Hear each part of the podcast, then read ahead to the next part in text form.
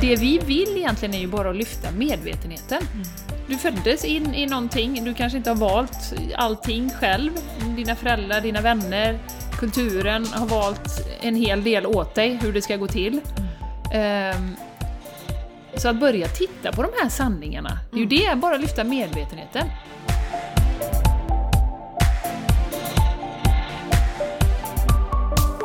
Välkommen till Game Changers Podcast! Tillsammans skapar vi ett liv som är hållbart för kropp, själ och planet. Vi djupdyker i allt från hållbarhet och entreprenörskap till spiritualitet och hälsa. Vi inspirerar och stöttar dig att leva din fulla potential. För ett bra liv börjar med dig.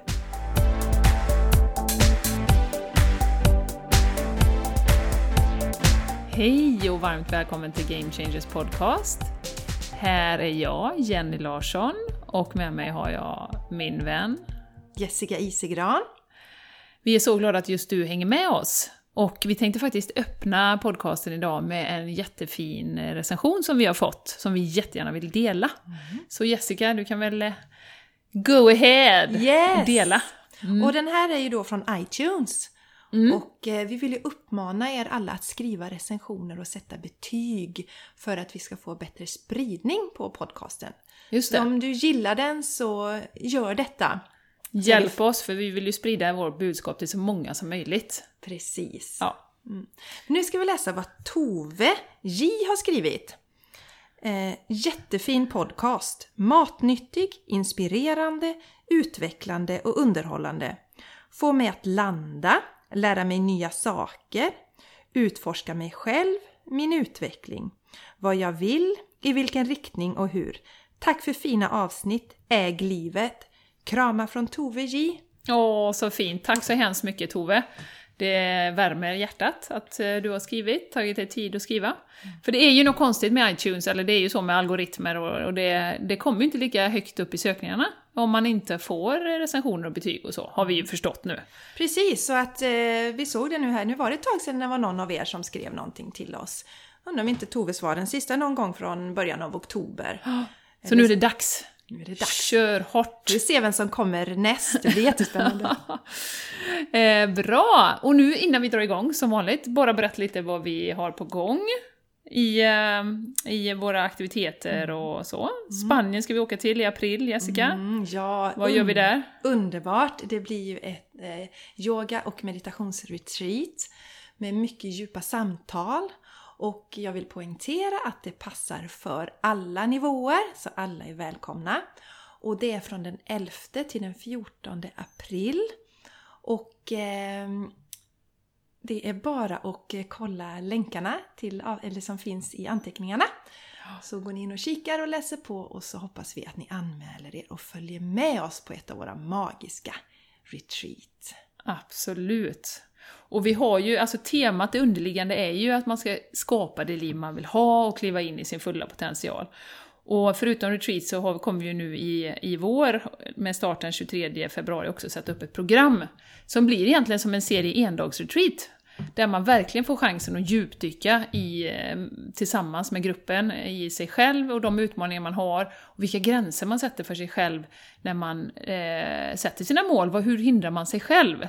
Så att vi vill ju vara en stöttepelare där tillsammans och hjälpa er under våren. Så känner du dig minsta dragen till det så tycker jag verkligen att du ska vara med. För det är första gången vi kör det här och det kommer bli fantastiskt. Och vi kommer också fånga upp gruppen med Skype-möten emellan. Så att vi kan stötta varandra, dela erfarenheter, vilket kommer göra den här resan ännu mer spännande och, och eh, att vi verkligen når det som vi ville. Så det kommer vi köra för första gången i vår. Så häng med på det och finns också då länkat givetvis i anteckningar till avsnittet. Ja, och ni hittar ju oss. Vi finns ju på Facebook, The Game Changers Podcast. Vi finns på Instagram, The Game Changers Podcast också. Och sen så har vi våra respektive konton, Jenny och jag. Jessica Isigran heter jag på Instagram. Yes. Jag heter Refsryd Balance Health. Och sen så har vi våra sidor också. Jessica Isigran... Jessica Isigran... Isebron. Bra. JessicaIsigran.com hittar ni massa spännande information. Och Jenny, var hittar man dig? Och rafseryd.se. Ja. Men jag är ju inte så mycket där nu. På de här olika? Nej, det är så att Jenny är på en social media detox. Det låter ganska fräckt Som vi säger kallar det i Los Angeles. ja, när vi brukar hänga där. När vi hänger där, ja. Men berätta Jenny! Ja, berätta! det? Eh, delvis inspirerad av dig då, som ju hade en vecka eh, när du eh, tog tjänstledigt, där du bara stängde ner nästan allt. Och jag tänkte att, för jag är nog mer beroende av telefonen än vad jag vill erkänna egentligen. Går och kollar den i tid och otid och har man inget att göra så går man och öppnar och kollar Instagram och kollar Facebook och likar lite och, och tittar vad man har fått för, för kommentarer och så. Så att jag eh, började för fyra dagar sedan och eh, jag måste säga att det känns jätteskönt att vara frånkopplad. Så nu är jag ju verkligen frånkopplad, för jag kollar ju inte på nyheterna heller. Jag, jag läser dagstidning på morgonen lite snabbt sådär. Men jag känner ju mig, jag menar det, alltså livet pågår ju ändå utan att man är ute på sociala medier hela tiden. Och blir ännu bättre. Jag menar bara det här med att ta en promenad med hunden utan att ha telefonen med sig. Det är ju rätt skönt, alltså det är en befrielse på något sätt. För så fort man blir lite så här, ja, halvt uttråkad eller man, man bara är med sig själv och bara går och tittar på träden och så där, så kan man få, jag får i alla fall den impulsen att äh, jag ska bara ta upp telefonen och kolla. Eller det här i bakhuvudet som att Hmm, skulle det här bli en bra Instagrambild för mitt företag? Den ligger ju där hela tiden. Och det är klart att det tar ju energi också. Det gör ju det, för det är framförallt det som, som eh, jag kände när jag tittade tillbaks på det. Det är en ordentlig vila. För att eh, vila handlar ju inte bara om att vara fysiskt stilla, utan faktiskt också eh, bryta den, det informationsflödet som vi får in till hjärnan hela tiden. Den är ju på gång precis hela tiden. Så det är jätteskönt. Och du har ju tagit det ett steg längre Jenny, du lyssnar inte ens på podcast nu va? Nej. Nej, det är ju inget vi rekommenderar, att ni inte ska lyssna på våran podcast. nej, nej. nej. Men jag gör inte det, för jag lyssnar ju extremt mycket på podcast annars. Så fort jag är ute och går, eller så fort jag lagar mat eller gör någonting, så är det podcast. För då tycker jag att jag slår två flugor på smällen och liksom tar in ny information, ny inspiration och sådär då. Eh, Men där, även där har jag blivit mer medveten att efter den här veckan är klar så kommer jag nog börja styra upp mina tider också och ha liksom promenader där man går utan telefonen och, och så. Så vi får se var det landar, men det, jag märker att det är väldigt, väldigt skönt. Så nu till exempel när jag åkte hit idag Jessica, så satt jag ju på P2. Det har jag ju nästan aldrig gjort. Lyssnade på, på eh, klassisk musik. Och det var ju jättehärligt. Och också en del av, av det här med eh, att bryta mönster och så, som jag är mycket för nu, för att inte hamna i samma banor. Ja, men lyssna på något nytt någon gång, någon ny kanal och... och eh, det gör ju att man kommer ur sina rutiner och ser saker från nya vinklar och ja, får ny input och verkligen eh, kan öka kreativiteten som jag känner det. Ja, jättespännande att få, få utrymme för ditt eget, det som kommer inifrån, det som vi så ofta pratar om här i vår podcast. Ja. Lyssna på den inre lite mer under dagen kanske. Mm, Inte bara den stunden på meditationskudden. Men det är superspännande, så då får vi höra fortsättningen då Jenny sen, hur det gick. eh, Vad du kände resten av veckan, för nu är du inne på vilken dag? Dag fyra, så jag är ju mitt i nu då. Så jag Yes. tänkte köra några dagar till då. jättespännande. Och jag är helt övertygad om att när jag är klar att jag kommer ändra hur jag använder eh, telefonen, framförallt är det ju. Hur, jag, hur mycket input jag tar till hjärnan varje dag så att säga.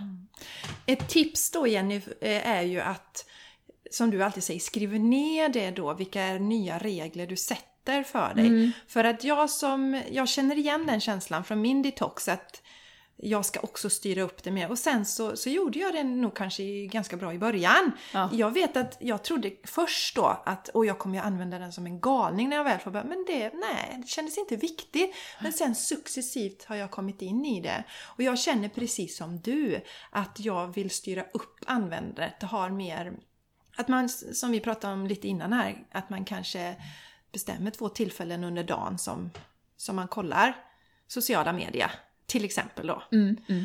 Och det är ju en balansgång där eftersom det är en del av vårat, eh, våra företag. Exakt, ja.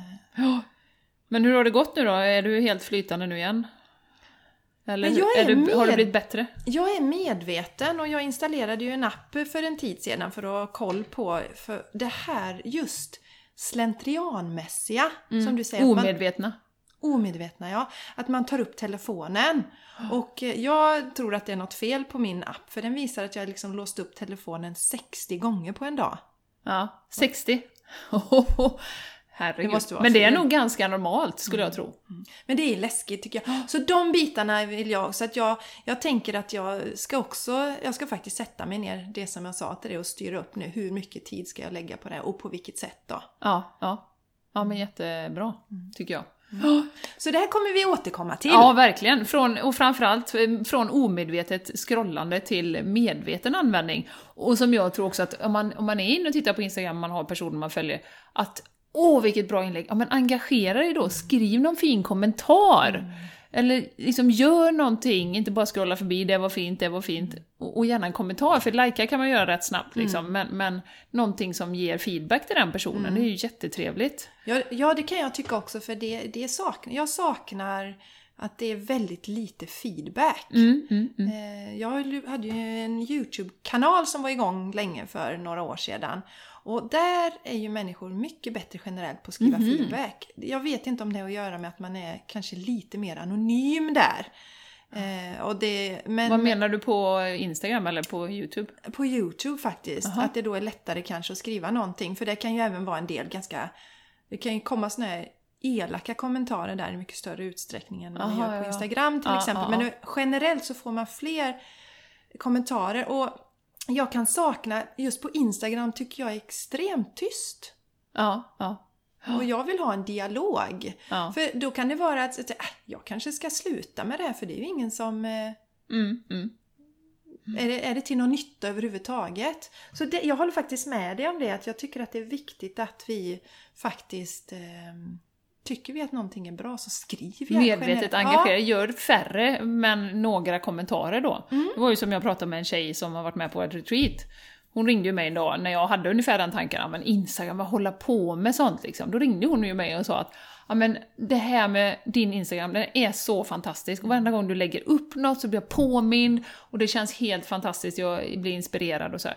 Så tänkte jag, jaha, ja men du vet, jag blir jätteglad. För att det är ju det som är syftet, att man vill att människor ska må bra av det som man lägger upp och att de ska kanske få någon liten insikt, någon lite tips eller så. Mm. Så att eh, jag blev jätteglad. Men som sagt, aktivera ska jag faktiskt eh, ge till mig själv också, att vara mer aktiv och feedback istället för att bara scrolla och lajka. Mm. Jag tycker det är jättebra. Det ska jag ta till mig också. Mm, mm. Det kör vi på Jenny. Ja, det kör vi på det. Ja. Ha Jenny, idag ska vi prata om att slå hål på myter. Ja, det har ju faktiskt varit ett tema under hela den här podcasten, att de här sanningarna som styr oss i vardagen och i våra liv. Eh, Och vi vill ju få till en medvetenhet i våra egna liv, eh, och har ju arbetat med det under en period för att liksom se, okej, vad är det som styr mig och varför? Eh, så att vi eh, vill ju lyfta det, för att det är ju, handlar ju om en medvetenhet. För att man ska kunna se sanningarna som styr så behöver man ju först bli medveten om dem. Eh, och vi kommer ju att prata om det här för att, för att vi kommer att prata om att vi har egna företag och att en, en sanning som liksom flyter omkring i samhället är att ska man ha eget, ja då måste man jobba hårt. Du måste verkligen vända ut och in på det och det är liksom dag och natt och man sitter och jobbar dygnet runt om du ska kunna tjäna några pengar. Eh, så att den, den har ju både du och jag kanske gått in i lite grann från början. I alla fall jag när jag startade för 5-6 år sedan. Att oj, nu minsann, jag får ta varenda uppdrag här för annars kommer det inte gå runt. Även om jag inte tycker det är så kul så kommer jag behöva ta eh, alla uppdrag som kommer. Så kanske jag kan få in pengar så det räcker. För det har man hört, att alla entreprenörer, så kallade, eh, jobbar väldigt hårt. Och det är ju tokigt för det gör ju att det inte är sådär jättelockande. Utan då kanske man väljer att stanna kvar på sitt arbete där man egentligen inte trivs alls. Men eh, det är inte så lockande heller att höra att man måste jobba dag och natt Nej. för att driva ett eget företag. Mm, mm. Så hur eh, har den myten förändrats för dig Jenny under resans gång? Hur länge sa du att du har drivit eget företag? Ja, jag har drivit sedan 2013. Så det är ju f- ja, fem, sex år nu då. Så att eh, eh, jag levde med det från början, att man behöver jobba hårt. Och då är frågan, vad är hårt egentligen? Hur definierar vi det där med hårt? Det har vi ju pratat om lite. Är hårt, är det att det ska vara tråkigt? Eller vad betyder det här med hårt? Ja, vad gör man när man jobbar hårt? det är ju lite intressant. Men är det många timmar? Jag tror att många gånger är det synonymt med många timmar. Mm. Att man jobbar hårt, att ja, men då jobbar du 60 timmar i veckan. Och, och, där är jag ju, jag är ju väldigt skeptisk. Jag är ju en sån fika-förespråkare på, på alla arbetsplatser jag är, för jag tror ju att du blir mycket mer effektivt om du tar en paus kanske på förmiddagen och kanske på eftermiddagen, sitter och pratar med, lite med kollegorna, eller går ifrån, går och tar en promenad, eh, än att man liksom sitter och stirrar på, på eh, skärmen åtta timmar i sträck och så en liten paus för lunch. Ja, och det finns ju forskning på det också som visar att du är ju inte effektiv, du behöver ta pauser. Mm. Eh, men jag tror att i vårt samhälle så är hårt förknippat med timmar. Mm. Jag, jag, tror det, vad tror du? Mm. Ja, det är inte alls omöjligt faktiskt. Mm. Och där finns ju också eh, det här med att människor börjar eh, distansarbeta. Eh, det är inte alla som gillar det för att de vill att man ska sitta på arbetsplatsen då. Mm, mm. Och är jag bara där mina minst åtta timmar mm. jag kanske inte producerar mer än tre av de timmarna, men jag ska vara där. Ja, ja. Medan om jag då sitter hemma så är jag mycket mer effektiv. Jag blir ja. inte störd kanske av mina kollegor. Jag behöver inte... Um, istället för att sitta i bilköer till jobbet så kan jag lägga den tiden på att träna till exempel. Mm. Så att uh, det, kan, det har säkert med det att göra. Jobba hårt betyder du ska binda upp mm. dig för mm. någonting uh, under många timmar. Du ska uppoffra ja. saker ja. och ting. Ja, ja exakt. Och det tror jag är en sanning som vi lever med jobb överlag. Att ett arbete, eh, det kan inte vara sådär jätteroligt. Utan en arbete ska dra in en månadslön och sen är det helt okej okay att gå till ett arbete och, och inte trivas. Eh, och det ser man ju, det har vi pratat om tidigare, hur många som är engagerade i sitt jobb. Och det är ju bara 16% i Sverige tror jag det var 12 eller 16% Alltså det är otroligt få som är engagerade i sitt arbete. Så där är ju någon sanning att vi måste ha ett jobb och vi måste ha en månadslön och vi, så för att vi ska få livet att gå runt i stort. Och en av mina myter där till exempel då som jag levde länge på var det här att man måste ha en högskoleutbildning. Ja, för att få det. ett bra jobb, för mm. att kunna tjäna gott om pengar. Det finns inga andra vägar, mm, så mm. den vägen ska man gå. Och sen så är det ju, som jag har berättat Jenny för dig någon gång, att jag ville ju bli skådespelare när jag växte upp.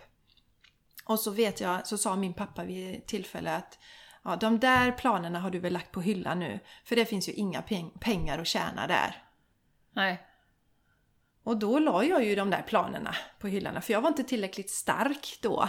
Jag hade ju ingen stöttning att, att testa det här. Eh, så att eh, där jag har haft med mig sen dess är ju att det går inte att tjäna pengar på någonting som känns väldigt, väldigt roligt och lätt Mm, mm, mm. Alltså, det är ju inbyggt i det. Ja. Helt klart. Att det, det är, det en hobby till exempel, det går inte heller att tjäna pengar på.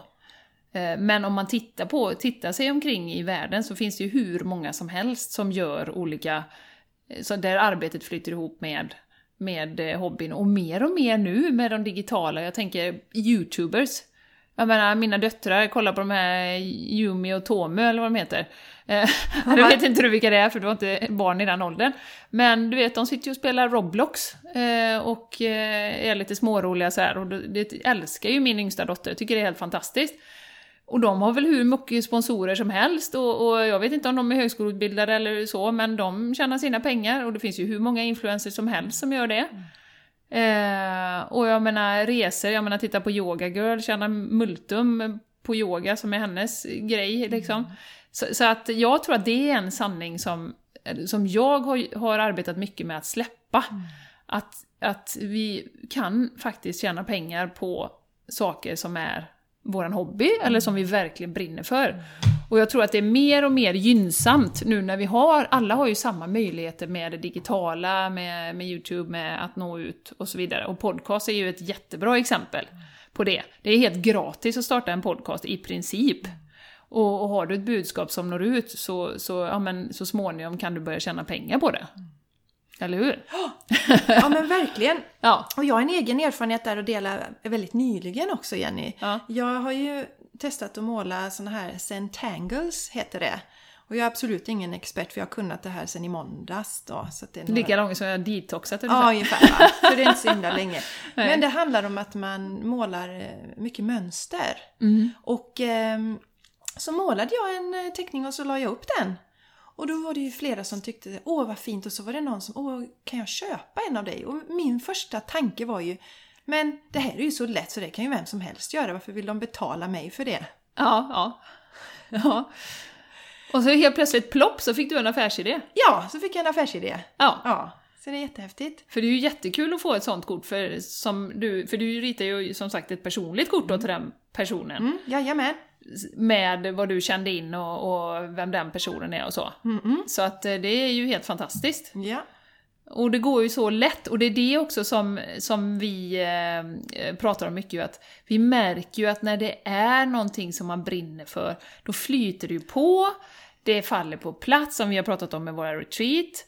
Det är liksom bara flyter ju. Det är ju ingenting som är jobbigt eller som krånglar. Nej, och som sagt, retreaten känner vi, det är ju enbart glädje när vi håller Ja. våra... Det, det, det är inte jobbigt någonstans. Det, det, wow, vi älskar det och så flyter det på Hur lätt, som, helst. Ja, ja men visst. Och, och eh, som sagt, det tjänar vi ju pengar på. Så att, så att eh, jag, jag skulle vilja se att vi kommer bort ifrån det här att det ska vara hårt, det ska vara jobbigt och mm, liksom man måste prestera och det är liksom så, det här traditionella jobbsynen. Och, och verkligen, ja men vad är det jag älskar, vad är det jag gör? För jag har ju också en tro någonstans att följer du din passion verkligen, så kommer pengarna som en sidoeffekt. Och jag vet att det kan låta så här upp i det blå och lite flummigt och lite så här, ja men det funkar ju för vissa. Men det är klart att har man den inställningen, eh, ungefär som han, eh, som jag kanske nämnde, han som sa att ja men det är ju få förunnat att göra långresa så, eh, som ni kanske ska göra. Ja visst, men har man den inställningen då har man ju direkt satt sig i ett fack, att det här är inte för mig, och då kan jag inte liksom göra det. Så att du, du har ju begränsat dig. Ja, så, så om jobbmyten så vill vi säga att eh, se er omkring. Det finns faktiskt människor som tjänar pengar på sånt som var helt otänkbart innan. Och där tror jag faktiskt att generationerna efter oss är en jättebra förebild, Jenny. Ja, Ja, ja tror jag. att, att, att titta på och se att men titta, det går faktiskt. Och vända lite och vrida och fundera. Ja, absolut. Mm. Nej, och, och ehm, jag tror också att det här med, och som vi pratar om också, mycket, det är ju mycket fokus på pengar också. Att vi ska få in pengar, vi ska få in mycket pengar. Eh, helst, det har vi pratat om tidigare, att eh, vi ska ha pengar så vi kan ha ett stort hus och att vi kan liksom ha två bilar och vi kan åka på semester och så. Men vad, till vilken nytta? Och pengar är intressant också Jenny, precis som att just vad vill jag göra med sakerna och varför. För det har vi förstått att det finns ju människor som kanske har en negativ syn på pengar. Mm. Eh, Att eh, det är fult att tjäna pengar. Ja, Och då sätter du ju dig också i ett fack om du bestämmer dig för det. Mm. För då vill jag ju inte, jag vill ju inte göra någonting som är fult så då vill ju inte jag tjäna pengar själv heller. Så att vi, vi kan liksom landa, och det kan ju vara kulturella saker som ligger i, i ens släkt, ens familj helt enkelt. Att så, nej, nej, här ska vi minsann jobba med nävarna och sådär och det är fult att tjäna mycket pengar. Ja, de där som är rika, det kan vara alltså föreställningen man har om, om folk som har mycket pengar. Att eh, ja, men de är, de är gnidna och de liksom tror att de är för mer och de, de är minsann si och så. Eh, så, att, så att det är intressant med pengar i sig, vilka sanningar man har runt omkring pengar. Just. För just det här, det kan ju begränsa en väldigt mycket. Om man tror att det enda sättet att få in pengar på kontot är att jobba 8 till 5 på fabriken, då är det ju det som gäller. Sen kan det vara hur bra som helst, det måste jag bara säga. Eh, alltså man kan ju älska att gå till sitt jobb på fabriken och sina kollegor och så, så det är ju inte det, utan det är ju bara ett exempel. Det kan ju vara helt fantastiskt också. Men om de här sanningarna runt pengar och runt arbete kan ju också begränsa väldigt mycket. Ja. Eh, och, eh, och att man, det handlar ju om att bli medveten om vad, har- och vad har jag fått, vad tänker jag kring pengar till exempel? Vad har jag fått de här föreställningarna ifrån? Eh, och gäller de för mig nu eller kan jag ändra dem på något sätt? Eller behöver jag ändra dem på något sätt? Eh, för pengar i sig är ju, som sagt, jag, jag tycker ju bara att det är en effekt. Jag har ju en ganska avslappnad inställning till pengar. Det är som, som när jag startar eget, då, då säger ju alla åh, tänk om det inte går och nu har du hoppat av ett fast jobb och, och, och så vidare. Och jag tänker ju bara så, nej men, eh, jag kan väl ta ett nytt jobb. Om inte det här funkar och jag inte får in några pengar, då tar jag ett nytt jobb. Som jag trivs med. Så att det det är ju också en, en, vad ska man säga, en eh, obsession vill jag säga, vad heter det? man är helt besatt av liksom den här månadslönen och att få in, få in pengar så. så att, och det får vi också höra mycket, det ligger ju också i en sanning i samhället, kommer jag på nu, det här med fast jobb. Att det är ju det bästa, liksom på hierarkin. Möjligtvis håller det på att luckras upp nu också. Men jag ser ju jättemånga CVn med, man har vikariat och man byter och man jobbar på bemanningsföretag och man hoppar fram och tillbaka. Men det är ju en sån eh, underliggande sanning att det är ju bättre att ha ett fast jobb än att bara liksom vara vikarie eller göra något annat. Medan jag som då har jobbat i bemanningsbranschen har ju sett att det finns ju hur många tjejer och killar som helst som faktiskt som har hoppat runt, man samlar på sig jättemycket erfarenhet, man samlar på sig ett kontaktnät på nolltid. Och det kan många gånger vara, vara liksom det som är det avgörande framöver för att, för att du ska liksom skaffa dig, ja, komma vidare vart du nu än vill då. Så att det är ju helt hur man ser på det då. Eh, Så det är ju som vanligt att det tar lite tid att känna efter. Hur känns det där jag är just nu? Mår jag bra i den här situationen? Och gör jag inte det så kanske man ska sätta sig ner och fundera vad man kan göra förändringar och vad det finns för sanningar som gör att jag inte vågar göra förändringen. Och en sak, jag tänkte på det du sa Jenny, just när människor då frågar eller säger om men tänk om det inte går bra. Man kan ju vara försiktig också ibland kanske, om man inte har landat själv i sin idé, att inte tala om den med alla. Om, för det finns ju risk att man kanske backar då om man inte är tillräckligt stark i det läget. För man, så fort vi gör förändringar på olika sätt så kommer vi få människor runt omkring oss som ifrågasätter det vi gör. Ett exempel när jag la om min kost då till att äta frukt och grönt som jag gjorde för att läka min mage. Jag blev ju bombarderad av frågor från människor runt omkring och i början innan jag var helt liksom in, hundra inne på detta och kände att jag var committad och verkligen trodde på detta för att jag sökte ju olika saker. Då var det ju jobbigt med de här frågorna. Men sen så var det inte jobbigt. Och det intressanta är att då slutar också frågorna nästan. När man Ja, det är som en i läroprocess. Mm, ja, det är det. ja Det är verkligen. En annan sån sanning som stör mig ganska mycket, och, och det här hänger ihop med mental träning också givetvis. Jag, jag funderar ju mycket på hur, hur hjärnan funkar. Eh, men det är ju det här med ålder.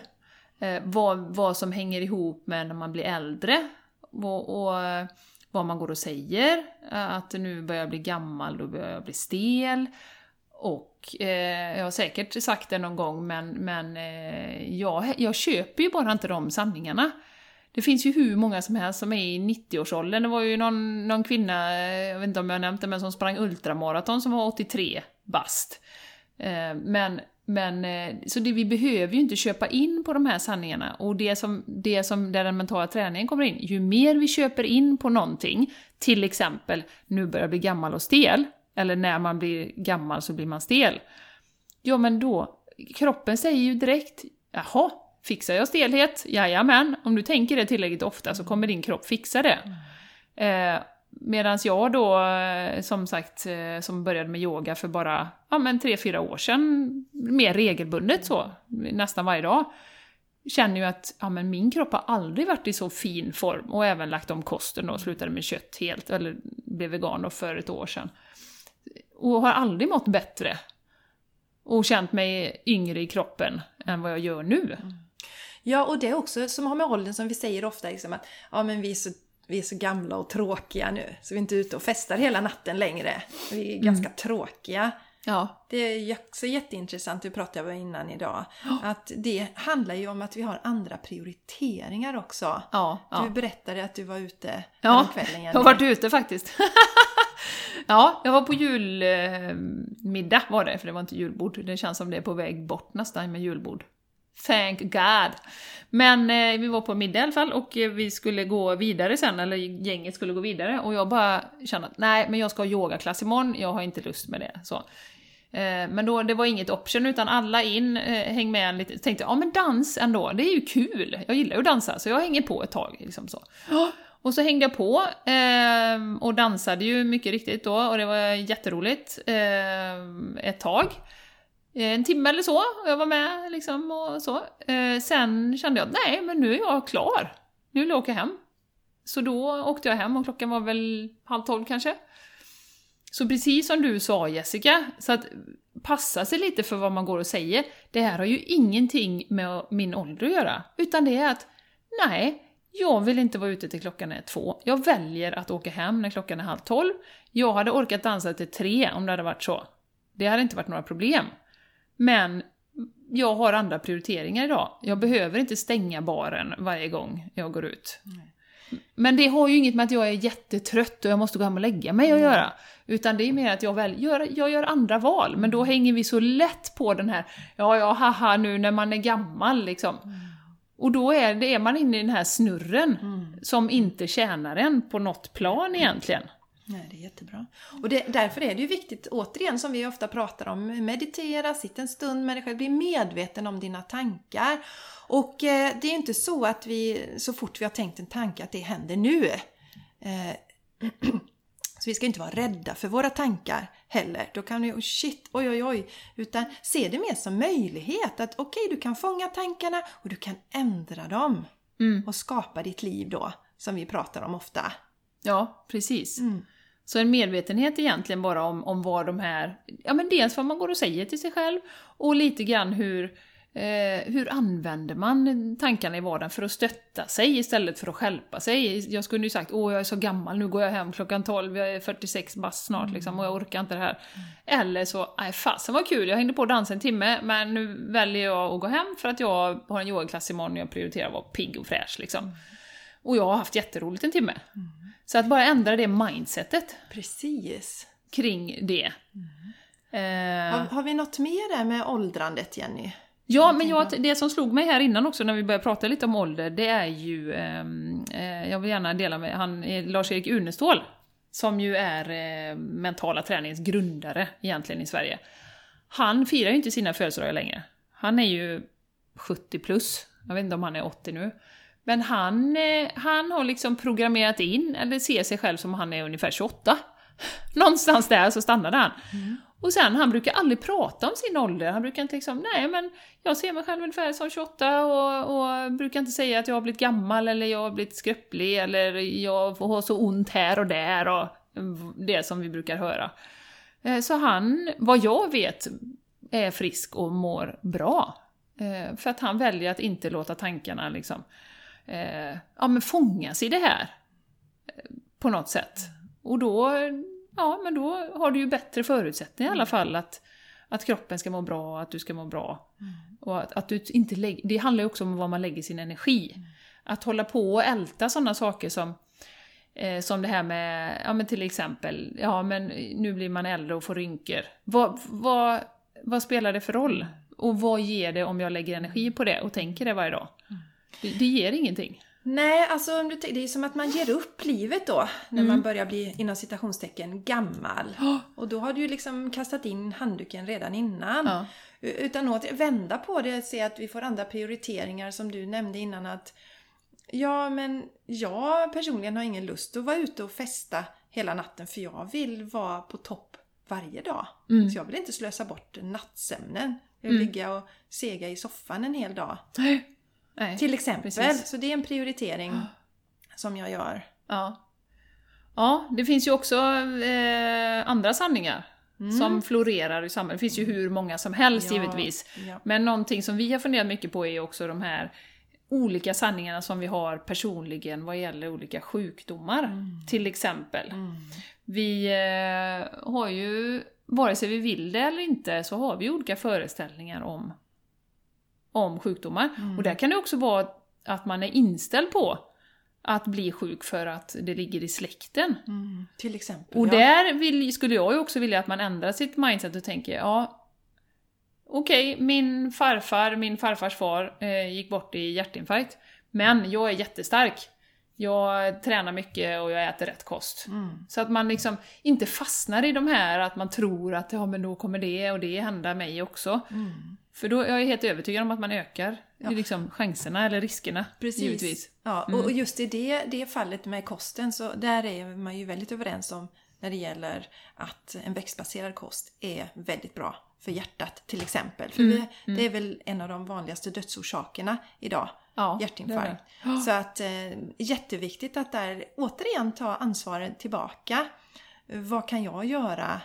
Eh, jättebra att Mm. inte bestämma sig att eh, så här är det i min släkt, det är ärftligt, jag kan inte göra någonting. Det, det är ju inte sant. Nej. Men det är ju något därför vi har, en av anledningarna till att vi har en podcast, för vi vill ju hjälpa människor att ändra på de här sanningarna. Och jag köpte in många av de här sanningarna förr, innan jag blev så sjuk i lunginflammation och började sätta mig in i det här med hälsa. Och om vi tar cancer till exempel, var ju någonting som jag tyckte var fruktansvärt läskigt för. Som jag tror att de flesta människor gör. Alltså cancer, ett cancerbesked är ju en dödsdom. För många ja. För många ja. Som har satt det som en sanning kan vi ju säga. Ja, ja. Och det, det som jag har sett då när jag har eh, tittat på det här med kroppens förmåga att läka sig själv, det är ju att dels finns det ju flera människor som faktiskt har reverserat sin cancer. Eh, jag vet en tjej, Chris Care, som faktiskt har levt med tumörer i kroppen i 15 år. Mm. Och är full av liv och har mycket föreläsningar och pratar mycket om det här till exempel. Och, och för mig förr, men- men du kan väl inte leva med tumörer i kroppen? Att hon har det både i lungorna och i levern till exempel då. ja. Så att eh, eh, börja fundera lite vad, vad, vad, vad kan vi göra? För det finns ganska mycket vi kan göra. Idag känns det som det är så mycket förla, förlamande just kring cancer. Mm, mm. Eh, Och där har vi också lite i det, vi tar ett piller för allting så vi lämnar vi ju bort våran, våran makt Mm. till, till någonting annat. Mm. Men just med cancer är man ju ganska, också över, överens om det här att det är ju det bästa att jobba förebyggande. Ja. Har du drabbats av hjärtproblem så kan Mm. du faktiskt reversera det genom att lägga om kosten. Och det kan, det, det kan man ju göra men man vågar inte så kategoriskt säga det om cancer. Nej. För att det är en så kom, komplex sjukdom och så olika sjukdomar. Så att därför är det ju förebyggande. Och då handlar det ju om, just som jag brukar säga, att när man får sin cancersjukdiagnos så är det ju sällan så att cancern började den dagen. Utan det är ju någonting. Så, eh, Bakåt i tiden. ja, så Mm. tänk över det. Hur lever stress till exempel som vi har nämnt några gånger är ju jätteilla för hälsan. Ja, ja. Så se över det. Hur lever du mitt liv? Hur mycket glädje har vi i våra liv? Och hur hälsosamt äter vi egentligen? Mm. Se över de delarna och ta tillbaka makten som vi har en hel episod som faktiskt heter ja. Återta makten. Och... Och som du brukar prata om i ayurvedan så ser man ju inte på cancer som en dödsdom. Nej, utan det är en obalans i kroppen och bara man tänker så så blir det ju inte så dramatiskt. Nej. Eller om jag säger till dig Jenny, ja, du har du fått en allvarlig dödlig sjukdom här. Mm. Hur landar det jämfört med eh, Jenny, du har en obalans i din kropp. Mm. Mm. Som vi kan balansera upp då. Exakt! Ja. Så precis. bara hur vi använder våra ord och vår inställning. Mm. Mm. Ja. Och där pratade vi ju mycket om i avsnittet med, som heter Håll käften kroppen. Om hur vi med vårt sinne faktiskt kan stärka vårt immunförsvar. ja. Wim Hof. Wim Hof till exempel. Mm. Ja. Eh, och där bara en passus, en av mina främsta idoler, Kjell Enhager. Det är säkert många av er som har lyssnat på honom också. Har du sett honom live eller? Nej, Nej. Han är ju, han fick en, en dödlig, alltså alltså han fick en, en cancerdiagnos när han var typ 25, var i USA och pluggade. Och läkaren sa till honom, du kommer inte vakna om sex månader. Du har sex månader kvar. Så att han reagerade ju så att han, han var ju uppe hela tiden då, han ville inte gå och lägga sig och sova. Jag vet inte om han var uppe i sex månader. Men han berättade inte detta för någon. Under, jag tror det var sju års period. Så han, Han, och han var ju redan inne på det här med forskning om hjärnan och hur den funkar och så, men han vägrade ju acceptera liksom den här eh, dödsdomen. Alltså sjukdomen accepterar han, men Mm. inte dödsdomen. Han bara nej, det, jag tänker inte se det som en dödsdom. Och sen så jobbade ju han med detta då under ett antal år och sen, ja, som sagt, sju år gick och han överlevde ju. Så att så småningom så förstod han ju att ja, mm, okej, och han lever ju fortfarande så han blev ju av med den cancern då. Eh, men, men just hans resa är ju så fantastisk för att han, han bara liksom bestämde sig för att nej, jag, jag tar inte detta som en dödsdom. Även om läkaren har sagt till mig att det är, du kommer inte vakna om sex månader. Eh, och det gör ju hans berättelse också oerhört stark när han, liksom, han jobbar ju jättemycket med hjärnan och mental träning och hur man når sina mål och sådär. Så att han, eh, ja, han har varit en inspiration för mig. Och verkligen ett bevis på styrkan i vad vi kan göra och klara av själva. För bara ordet cancer, Mm. det är ju som att sätta likhetstecken med fruktansvärd rädsla. Ja. Egentligen. Mm, mm, mm. Jättemycket rädsla kring... Och istället för att eh, riktigt verkligen premiera förebyggande hälsa, mindre stress och så, så har vi ju såna här cancer awareness-dagar. Mm, vi ännu mer ska skrämma oss med den här hemska cancern som finns omkring oss precis hela tiden. Mm, mm, mm. Ja, det ju, finns ju något samhälle, det kommer jag på nu, eh, där de jobbar med förebyggande hälsokontroller.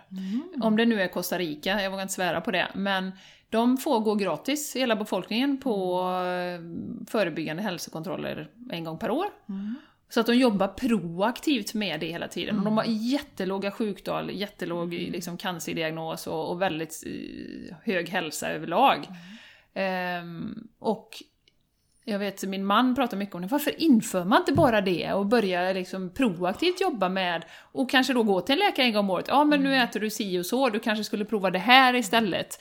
Eh, Ha någon som följer upp lite grann. Och då vet de ju att nu ska jag gå nästa år och bli uppföljd, så nu, någonting behöver jag göra om det inte ser bra ut då. Eh, Men det har visat sig vara jättebra för, för liksom befolkningens hälsa. Låter jättebra. Eh, Jag, fick, jag, jag vet inte om det, det, det, det var säkert så förr i Kina. Alltså om du hade din ehm, eh, kinesiska läkare. Eh, om jag blev sjuk, då eh, avskedade jag min läkare så att säga. Jaha, ja, okej. Så man gick ju ja, man gick liksom regelbundet då. Ja. Och istället just precis förebyggandet. Ja. Deras ansvar är att stötta mig så jag kan hålla mig frisk. Ja. Och, och riktigt så är ju inte våran bild idag egentligen, eller den relationen till läkare. För jag tror också att det handlar ju om, oj okej, men om alla är friska då finns det ju inga pengar kvar till läkarna. Nej. Nu är jag lite sådär va. Men det är ju faktiskt så. Ja, vad ska läkarna göra om alla blir friska? Ja, ja. Men människor behöver ju stöttning så de kan ju inte istället ta på sig en stöttande roll och få in pengar så, om vi ska hårdra det. Ja, ja. Ja, och det har ju, nu är väl USA extremt, men det finns ju eh, flera läkare som jag har lyssnat på i poddar som vittnar om det. De tjänar ju dessutom multum där borta eh, på olika eh, preparat och eh, är ju nog säkert mer mutade än vad de svenska läkarna är. Som ju säkert gör ett gott jobb utifrån sina eh, trosystem och sanningar eller vad man ska säga. Mm. Men det finns ju flera som vittnar om att det finns alltså pengar, behandla i efterhand, operationer, det är jättemycket eh, pengar i det. Du behöver beställa material, som sagt eh, eh, cancerbehandlingar är ju också, det kostar ju multum. Eh, Så att det är ju den vägen som vi går idag. det- Eh, Så. är det ju idag. Det, och det kanske behövs, det ska vi inte säga, är man, har man allvarlig, allvarlig, allvarlig cancer, och det, inte, alltså det, det kanske är det som behövs, det ska vi inte säga. Men vi eh, vet ju också Julie till exempel, våran förebild, hon läkte ju en egen en cysta i halsen som hon hade. Eh, Med ayurveda just, med örter och olika saker. Och de, de vill ju operera bort den direkt. Just det. Ja. De- Och bara ta, ta den, hon skulle ju fått något jätteärr på halsen och risker med sjukdom, eller med operationen och så. Men hon valde ju, men då ska vi säga, det var ju inte liksom att hon skulle dö imorgon, utan hon läkte ju den långsamt. Men hon har ju bevisat då att det går ju, uppenbarligen Precis. också. Ja, att det, alltså, vi, att det finns inte bara ett svar på det, utan man kan arbeta tillsammans. Förebyggande och se vad kan man göra, hur kan jag stötta din kropp Mm, när du, har, du har fått den här cancerdiagnosen. Okej, eh, du kanske väljer att ta en, en behandling, eh, en traditionell behandling, men att du samtidigt stöttar din kropp med bättre kost och så, till exempel. Mm, mm. Eh, Så att det är så svart eller vitt Ja, ja. som det ser ut idag. Det finns bara en väg att gå och läkaren är helig. Ja. Eh, Och de här sanningarna som vi pratar om nu, det är klart att det är ju väldigt mycket kulturellt betingat också, vilka sanningar som gäller. För när, jag menar, när vi föds så har vi ju ingenting, vi är ju helt eh, blanka blad. Men beroende på vad du föds in i, eh, om du föds in i Sverige, ja men då eh, ser det ut på ett visst sätt. Du får äta vissa grejer här, eller du får äta allt. Eh, här är det kristendom som gäller, varsågod, här har du Luther som sitter på axeln, man ska göra rätt för sig. Eh, vi jobbar 40 timmar i veckan, eh, vi är ganska stängda människor om vi ska generalisera nu då. Eh, och vi har vissa saker, man betalar skatt och så, och vi, man som sagt gör rätt för sig då. Medan föds du någon annanstans så är det ju andra sanningar som gäller. Om du föds i, i Syrien till exempel, eh, och du växer upp, ja men då, då, där är ju sanningen att du ska ju inte dricka alkohol till exempel. Eh, och du äter inte visst, visst kött och så, för det är smutsigt. Så att, så att, att också vara medveten om hur kulturen har faktiskt tryckt på en, en hel del sanningar som vi inte har valt själva. Ja, Jenny, alkoholen där. Ja, Ja, du har ju, du har ju slutat dricka alkohol också nu. ja Ja, det är mycket nytt jag provar. är det någon som tycker det är konstigt? Tror jag? Ja, nej men det är ju också så djupt, om vi pratar kultur, det är ju djupt, djupt eh, inpräntat i våran eh, kultur. Eh, som tur är så har jag ju en man som är ganska såhär, ja ja men jag tar en öl och så får du en kombucha, eller en alkoholfri öl. ja. Då tänker jag yes! En kombucha är nyttigt också, det slår två flugor i smällen liksom, effektivt så. Eh, nej, men och, och sen så var det min härliga mamma, hon, hon, jag får väl outa det då, hon sa ju det när vi satt på middag i söndags, så, så sa hon ja men dricker du ingenting nu för tiden? Och sen nu kommer ju jul och så här, du vet, och snapsar och grejer. Det har jag ju inte druckit så mycket ändå i och för sig, men, men eh, då sa hon det, när jag sa att nej men jag dricker ingenting längre, jag väljer att inte göra det bara. Men herregud, hur har jag uppfostrat dig? Säger min härliga mamma då. Hon är ju så skön va? Ja. Men det visar ju också lite grann hur, alltså, våran kultur är så accepterande vad gäller alkohol. Mm, just alkohol, den drogen. Just alkohol som vi vet ger liksom tusentals i skador varje år, folk läggs in på sjukhus, man missbrukare, var tionde säger de ju är ju liksom alkoholmissbrukare. På, på arbetsplatserna. Så att det är, ju en, det är ju en fruktansvärd drog egentligen, men här har vi valt att liksom acceptera den. Mm, det för det sitter i okej. kulturen. Ja, och det kan Mm. jag tänka till exempel, Jenny, en jämförelse då, när man lägger gärna upp på Instagram där på fredagskvällen att man ska dricka lite vin eller att man firar med alkohol. Men sig är ju aldrig någon som... Nej, Visar. cigg har ju gått ur modet nu. Ja, det är inte modernt längre. Nej, men det Nej. är så intressant och sen också att det återigen, hur, alltså, det känns som vi behöver vara så himla starka för, att, för vi får ju hela tiden på oss från människor runt omkring Ja. när vi gör de här. Ja, jag har inte ja. druckit alkohol heller sedan 2010 tror jag. Nej. Eh, nu är det ingen som liksom, ja de som jag känner är ju ingen som reagerar på det längre. Nej. Men det är också ibland lite provocerande kan det vara om Ja. man är ute och man inte dricker alkohol. Ja, ja. Men det är jätteintressant som du säger att det är helt legitimt. Mm. Och tvärtom konstigt om du inte konsumerar alkohol i Sverige. Ja, precis. Det är ju väldigt konstigt. Och också det här med andra droger då, som, eller som klassificeras som droger, som cannabis till exempel, som nu börjar bli lagligt i vissa länder. Det är lagligt att odla och köpa och, och använda. Eh, Men det är ju helt tabu i Sverige. Det ses ju som en drog, alltså nästan likställt med eh, liksom, kokain och heroin och, och så. Det tycker jag också är jätteintressant. Var kommer det tabut ifrån? Och varför är alkohol accepterat? Men det är ju tradition och att det ligger så djupt i själen på något sätt. Och, och också vi som kan relatera till det här med maten. Alltså det är ju också väldigt kulturellt. Och det är, som sagt, det blir ju en störning om någon ska göra något annorlunda helt plötsligt. Mm. Jaha, du ska inte dricka snapsen nu? Nej, ska du köra eller? Nej. Är du gravid? Gravid eller ska du köra? Mm. Det är ju de två anledningarna man kan ha. Och är man nykterist så är ju sannolikheten att man är före detta alkoholist ganska stor. Ja, det är jättespännande. Det kan, alltså, Ja. och, och säga att ja, men jag har valt bort alkoholen för jag, det gagnar inte mig längre. Det är ju eh, ganska så konstigt i Sverige och, och liksom... Jättekonstigt att säga. Och, eh, nej men det är, ja, det är riktigt eh, bra det du säger. Ja, och det ja, gör ju känns- säkert att känns bra. många inte vågar, utan då kör man hellre med det här att säga att ja, kanske gravid kanske man inte vill säga i tid och otid att man är, men okej jag väljer att köra, då så behöver jag inte ta den diskussionen. Det hade mina barn blivit glada i och för sig om jag sa att jag var gravid i tid och otid. De vill gärna ha en lillebror, men det får de inte. De får de får ha Charlie. Ja, de får ha Charlie. får Jag Charlie. frågade förresten i en parentes om eh, de vill ha en lillebrors eller en ponny. och, och helst då bara för att kolla av status. Men ponny vann ju hos den äldsta, men eh, lillebrorsa hos den yngsta då. Vad Så, så, intressant. ja, så det är väl 1-1 där då, så vi får se hur det går här. Ja, vi följer detta med spänning. Och vi är absolut inte för gamla för barn eftersom jag såg ju någon, vem var det? Hon, eh, Brigitte Nielsen eller vad heter hon? Hon hade ju fått barn hon var 58 eller någonting. Wow, jag ser det. Ja, men eh, summa summarum. Mm. Kulturen påverkar oss jättemycket. Ja, det gör den.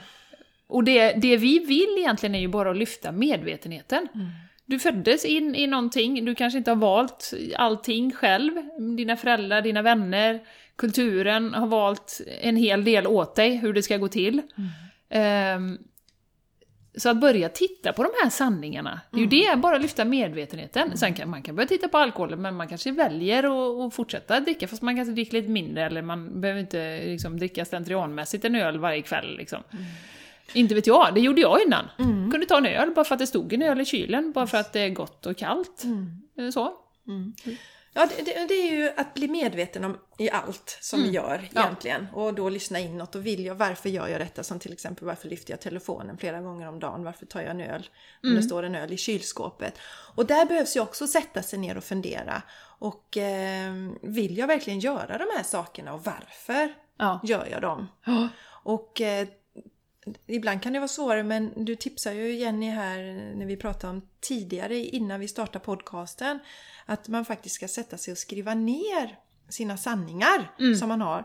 Och framförallt också sådana sanningar som hindrar en.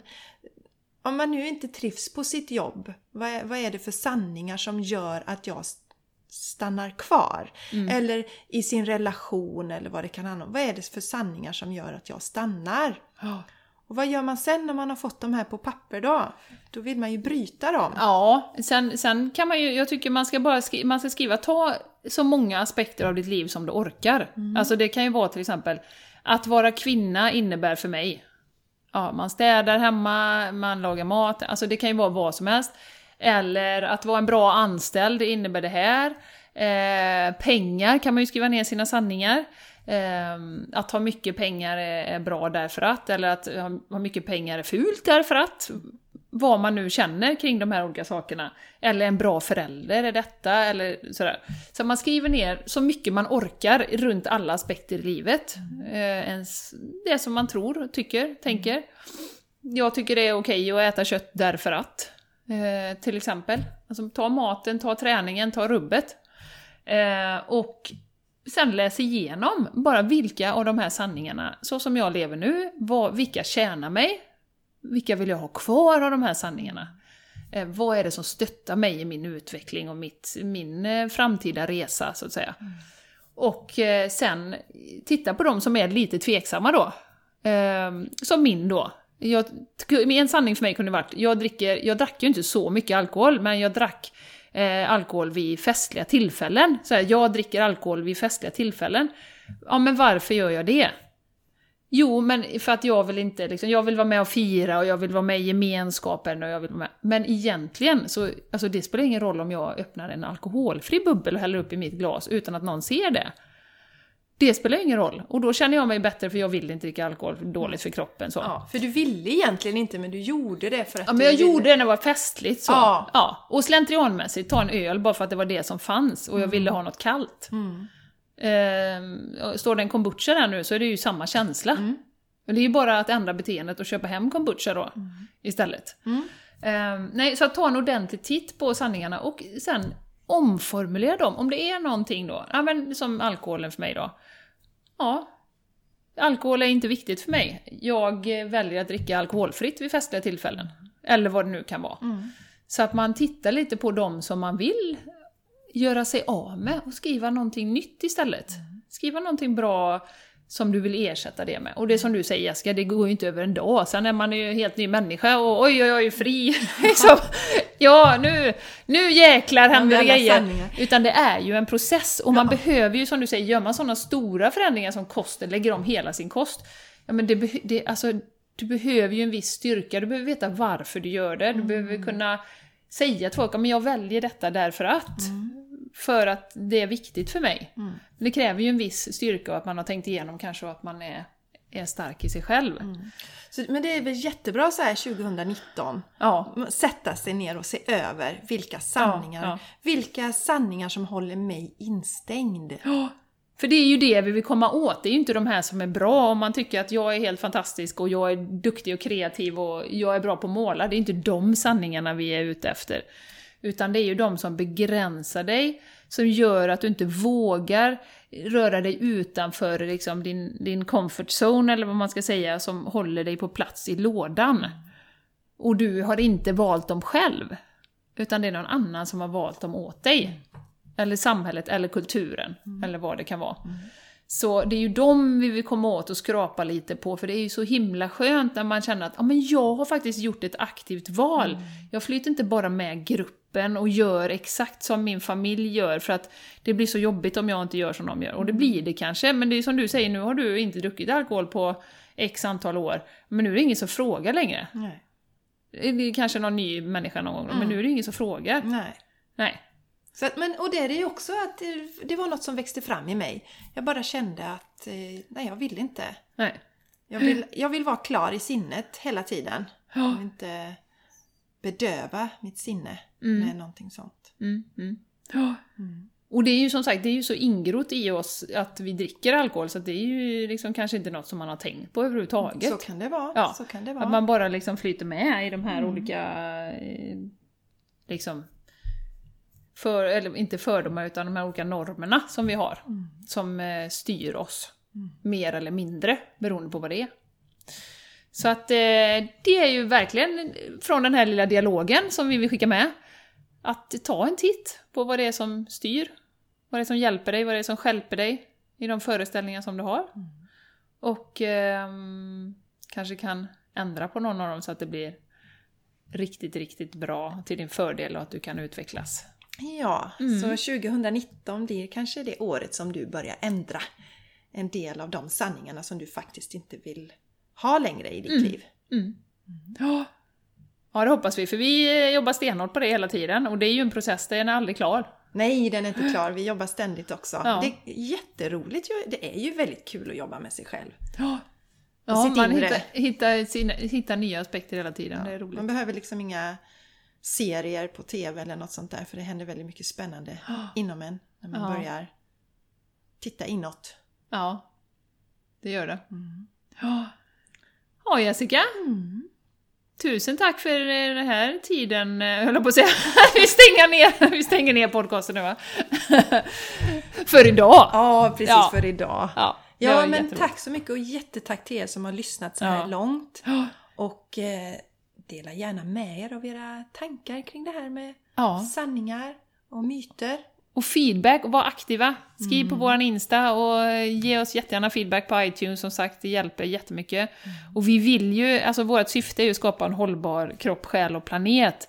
Och det är klart att vi vill sprida det till fler, vi vill ju att fler ska få inspiration, att fler ska göra förändringar som är bra för dem.